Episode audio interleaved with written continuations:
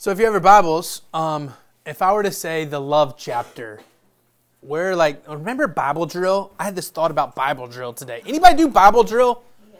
True Baptist, right there. Well, I guess maybe it wasn't just Baptist, was it? It wasn't. So y'all did it too. Everybody did it. Bible drill. Okay, Bible drill was. Oh, I can't say that. I probably can't say that. No, I'm on a microphone right now.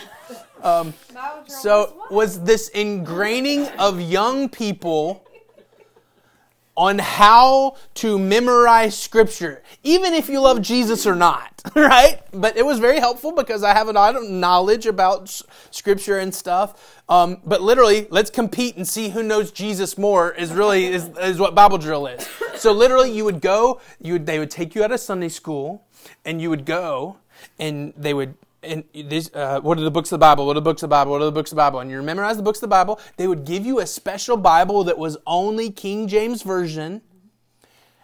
And you would have to hold your Bible like this, stand in a line, and they would call out a scripture reference. And if you, you open your Bible, you put your finger on the scripture reference, and then you step forward. The first one to step forward wins. No, yeah, you can't have tabs. No, you can't have. Yeah, if you have something hidden, you're disqualified.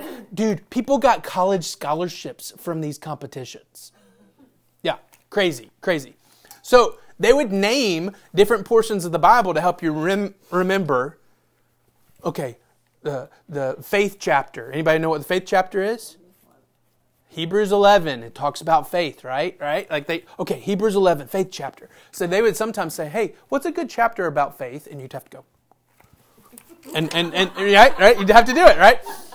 so that 1 Corinthians 13 very well is called the love chapter. So you have your Bibles, you can turn to 1 Corinthians 13. We're going to be in 1 Corinthians 13. It's the thing that people go to. What are you hunting for? Oh. Yes, yes. It was hidden in the bag. I'm sorry, I put the bag to the side. Um, 1 Corinthians 13. So I did a wedding last night, and um, it was fun. It was it was a. I love doing weddings, um, but I'm a little bit of the. I, I want to break the mold too much to where sometimes the mold's necessary. I don't read 1 Corinthians 13 very often. Now I'll say things around 1 Corinthians 13. Love is patient. Love is kind. It does not envy. It does not boast. You know those things. But you know, 1 Corinthians, that's when you, you 1 Corinthians 13, you go to it at a wedding. But I feel like God has revealed some cool things to me this, this past week as we were reading over it. And so I wanted to show you. This is probably the most hypocritical thing I could ever say. But grammar and spelling and punctuation matter. and the reason why it's hypocritical is because my lifestyle does not match up to that. I pray constantly that whenever I teach things, that my lifestyle would match up to it. It does not match up to those things, okay? I do not know. Like, I even when I was typing grammar, spelling, and punctuation in my notes, it gave me a little error message that I needed to fix my commas, right? Like, okay? It matters. I love to tell this, especially since Christy's not in the room, I'm going to tell this story. Sometimes, anybody have the Siri oops before? The talk to Siri or the talk to text, and it translates the word to something different, and it still sends the text message? Like three years ago? I can't say it. I'm not going to say it. My wife's freaking out thinking I'm about to say it. And Christy's listening right now, having all the blood run out of her face. um, she was sending Ann a text. I had found Steven Furtick is this pastor, and he, he does these songs where basically it's just to pump you up and where he's preaching and it's got big music going and it's good workout music like it's good holy workout music and so he'd come out with a new one i'd send it to ann ann would send it to her to christy and christy said man this thing has got me pumped up but siri replaced it with a very bad f word yeah steven furtick gets me pumped up and Ann, and then sends it to Ann, and Ann reads this going, what is going on? And then Christy can't fix it fast enough. Oh yeah, yeah, yeah, yeah, yeah. Yeah, yeah. So so I think so many times we laugh at our language. I say things so many times. The very first time I was speaking, I was in seventh or eighth grade. I remember it vividly. It was in the place at Bellevue that kind of overlooked the front lawn that we, we called it the crossing because it was literally a, a, room between rooms in essence and i was speaking i was so nervous and all that stuff and I was telling a story about something and how the guy was going to shoot him or hit him, and I said those two words together in an explicitive moment, and it came out, and I was like, "Oh, I'm not going to heaven now, right?" Like when we mess up, when we say things out of context or with the wrong punctuations, we could all testify to different things, right?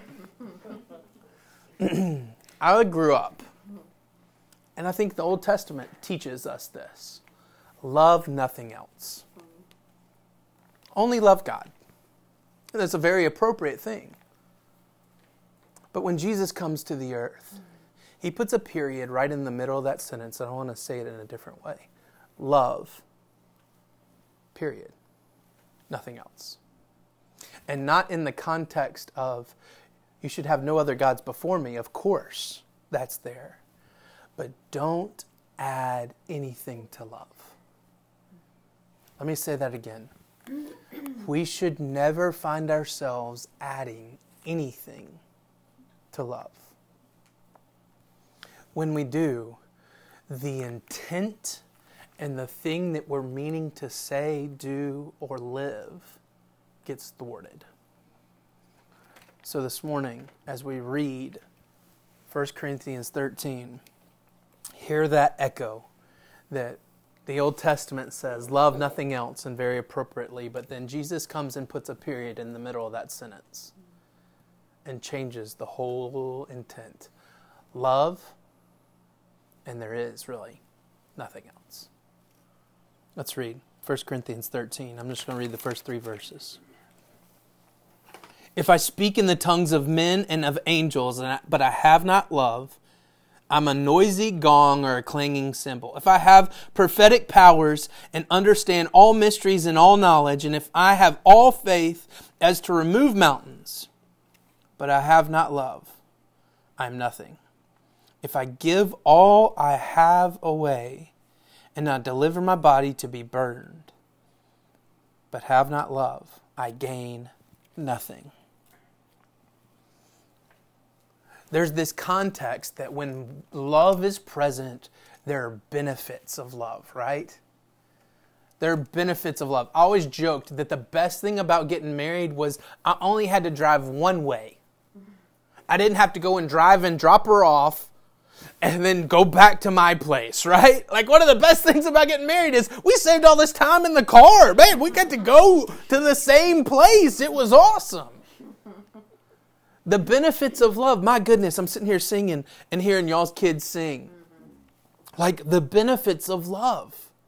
Not just a love between a man and a woman, but I'm talking about a genuine God, holy love that this floor is filled with little kids.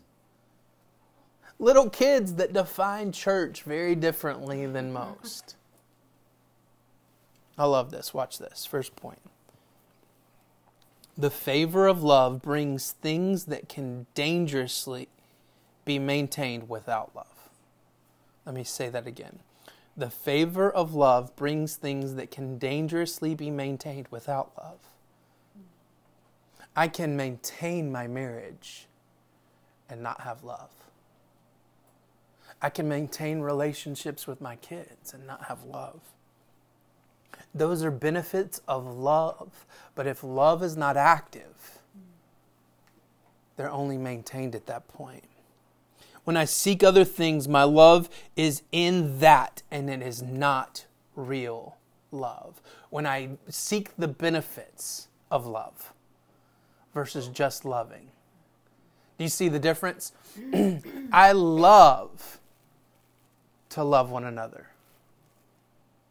Or I love to be loved by one another. There's a benefit of me loving you all. What's the benefit? You love me back. But when I love to be loved, I'm no longer genuine in my love. Jesus and is the ultimate example of love. We could just even call him love because God is love. But watch this. Greater love has no man than this than a man lay down his life for his friend. We know that that is the definition of great love. But then if we read verse 3, what is he saying here? In verse 3, he says, If I give away all I have and deliver my body up to be burned. Well, you just said, Greater love has no man than this, than a man lay down his life for his friends. But then you're saying, if you burn your body, and it's all about intent, it's all about heart. Love starts on the inside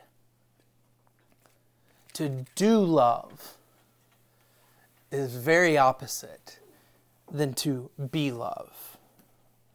We can pay the ultimate price in a sacrificial way, but ultimately we would be sacrificing ourselves to a false God. If we spin our wheels in prophetic ways, even by the point where the Bible says, delivering our body up to be burned, sacrificing ourselves, but without love, it's nothing. It's scary if you think about it. How many times have I sacrificed myself without genuinely having love in my heart? What am I making the sacrifice to? What is that offering an offering to? That's the reason why we say at Salem Memphis, kill obligation, right? If you don't want to, don't. Because ultimately, if you're doing something out of need or obligation towards the Father, it's really not a sacrifice to Him, it's a sacrifice to obligation, right? And He wants a genuine love, a genuine sacrifice.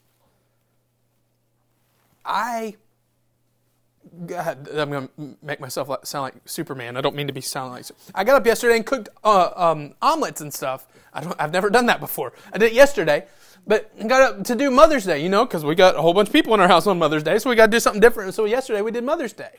Kind of did Mother's Day a little bit, and so I did it because I'm obligated to her.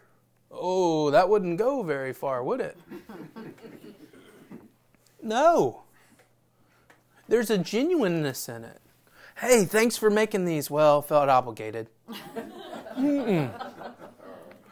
Things not to do, right? But this is weird. In the at the end of verse three, it, it talks about gang, gang. I can't say that. Gain. Watch. If I give it all away, is how that verse starts. But then it ends with, I gain nothing.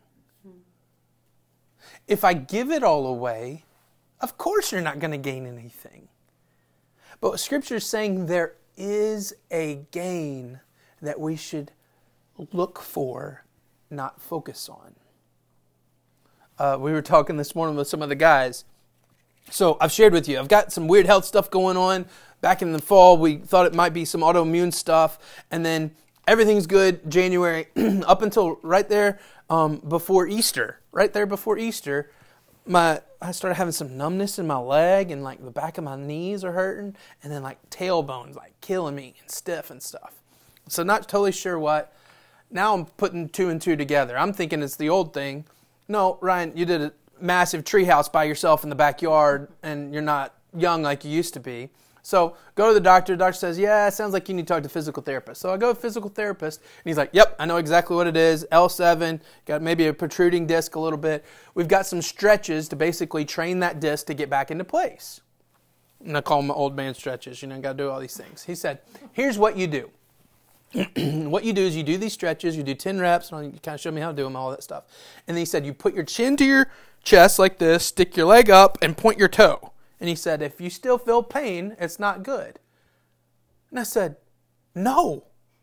If I have to test, then the pain's gone. Then I'm good, right? Like, if I've solved the ultimate pain, the reason why I'm, I'm not going around going, Man, I can't do this. I'm not sticking my toe out and putting my chin to my. That doesn't happen often, right? He goes, Oh, it's just a way to test and see if the pain's there. And I was like, The pain is constantly there. If I do these things, and the pain goes away, we know we're headed in the right direction. For so long, when we talk about love, we talk about doing the work of love instead of trying to have the genuine realization that the love comes from the Father. And if I go to the source, I don't have to work on the benefit, it comes naturally. Do you see it? If we start focusing on the benefits and the favor of love, we start manipulating life to where we don't have to go to the source for that love. And in that moment, every effort, every sacrifice, every good deed that we think we're doing is a sacrifice to a false God. Watch.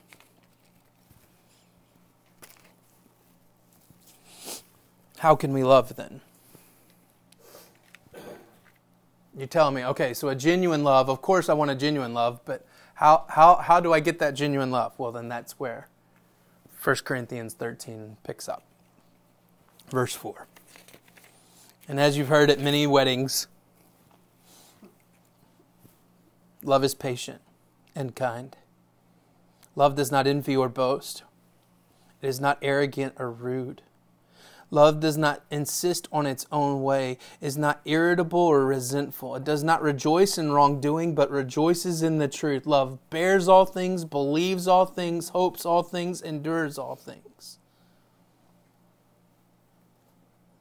There's some pretty potent verses there telling people who we would say we understand what love is genuinely, like who taught you how to love your mom on Mother's Day? Like, that's a natural thing in all of us. Now, life happens, and all of a sudden we're like, ah, I don't know about that. I don't know if I want to call my mom today. You know, that those things happen sometimes. Who gives us a genuine love? Why do we all now there might be weird people out there, don't hang around these people. Who thinks a puppy is not cuddly. Every person on the planet thinks these puppies are puppies are oh, that's cute, right? What is that instilled inside of us? There is a natural love that happens inside of us, but everything listed here is not something that comes natural. Point 2.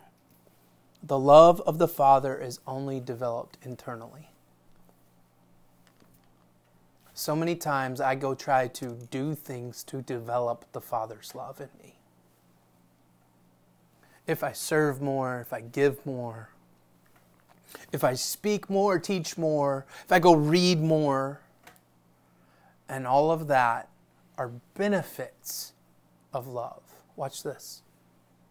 Our marriage is not doing okay, so if we go on the vacation, if we go on this, if we buy this, if we change this, those are things that benefit out of love. But when you get down to the root of a genuine interaction with one another, and let's flip it back to the Father. When I get back to a root of genuinely interacting with the Father, He is the only one that can develop love in me. I can't do it on my own. All of it comes down to spending time with the Father.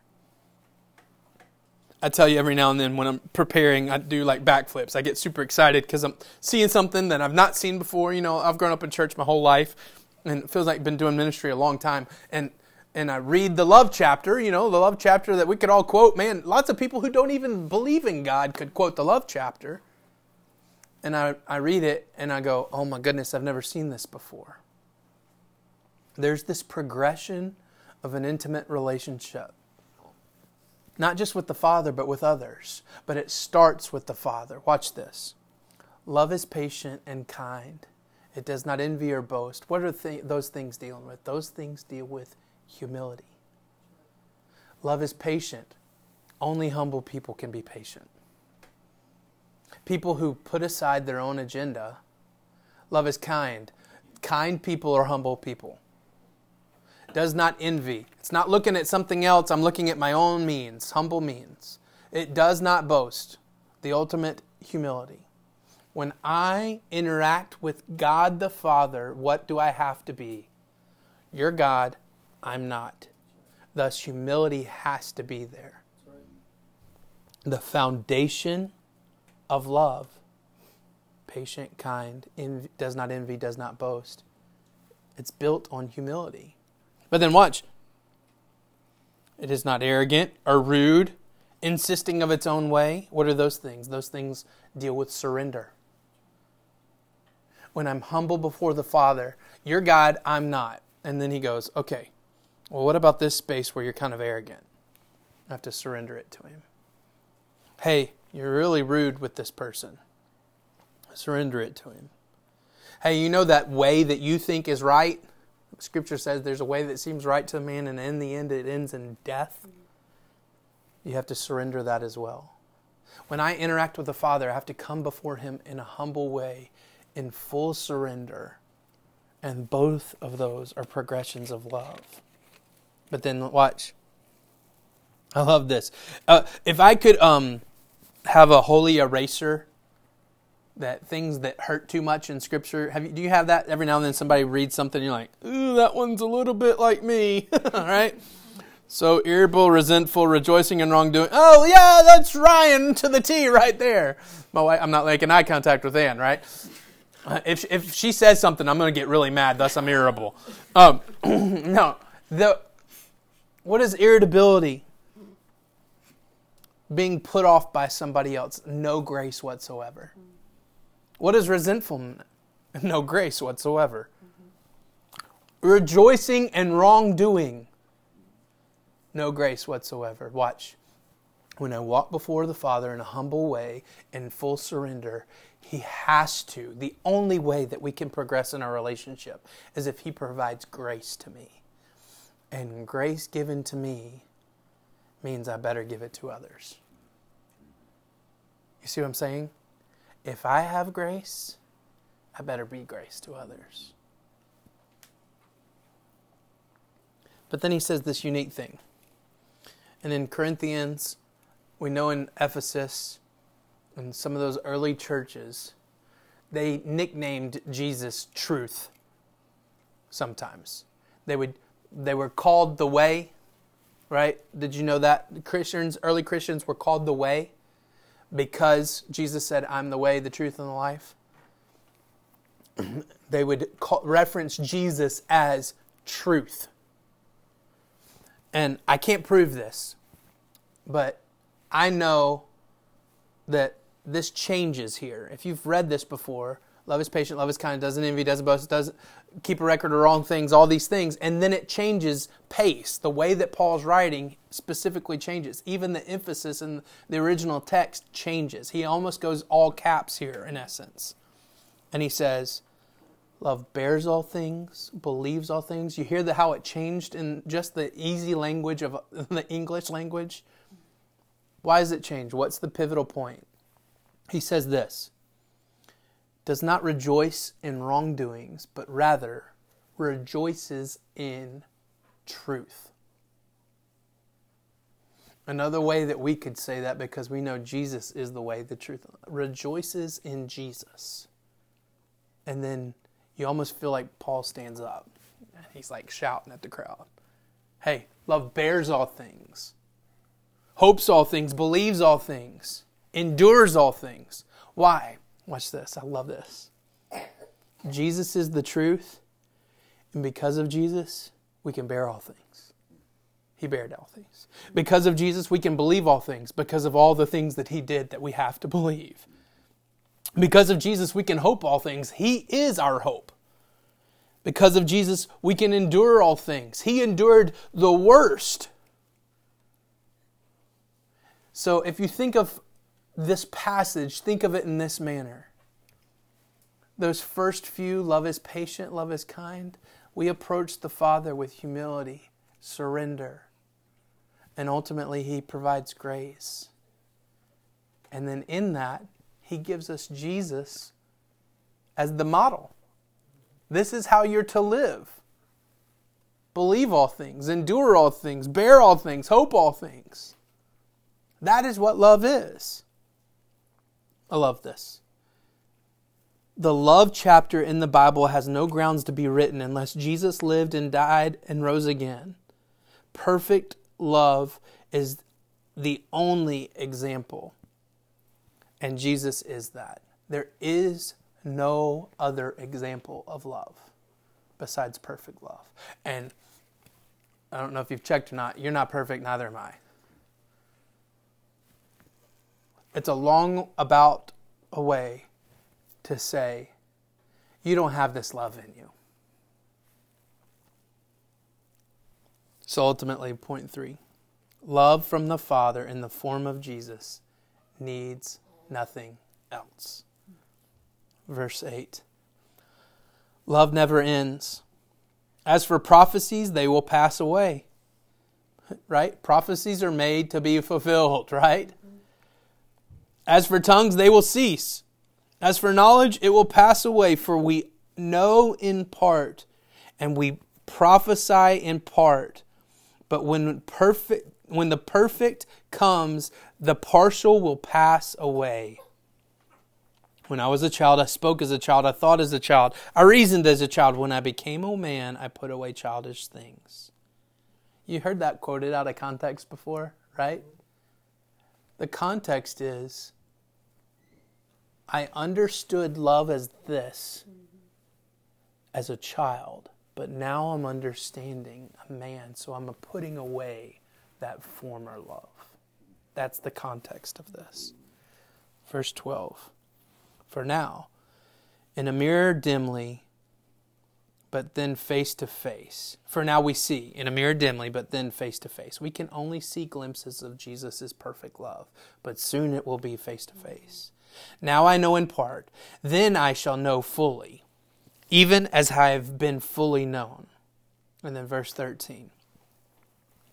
So now faith, hope, and love abide, these three, but the greatest of these is love. Love has always been eternal, is what he's saying. Even before Jesus, love was eternal. Prophesying, tongues, knowledge, they're not eternal. In heaven, we will not need the gift of tongues. Mm-hmm. In heaven, we will not need the prophetic gift because it will be realized in the face to face with Jesus. Mm-hmm. See, the benefits of love are not the end, they're the means to the end. It's cyclical.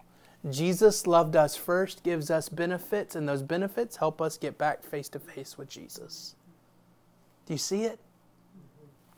Have you ever done this? Genuinely had love overwhelm you, the Father's love, a different kind of love for an individual, and you minister to that individual. Then you walk away thinking, I've got more blessing than they have because of what God's done. You're now walking closer with the Father because of that interaction.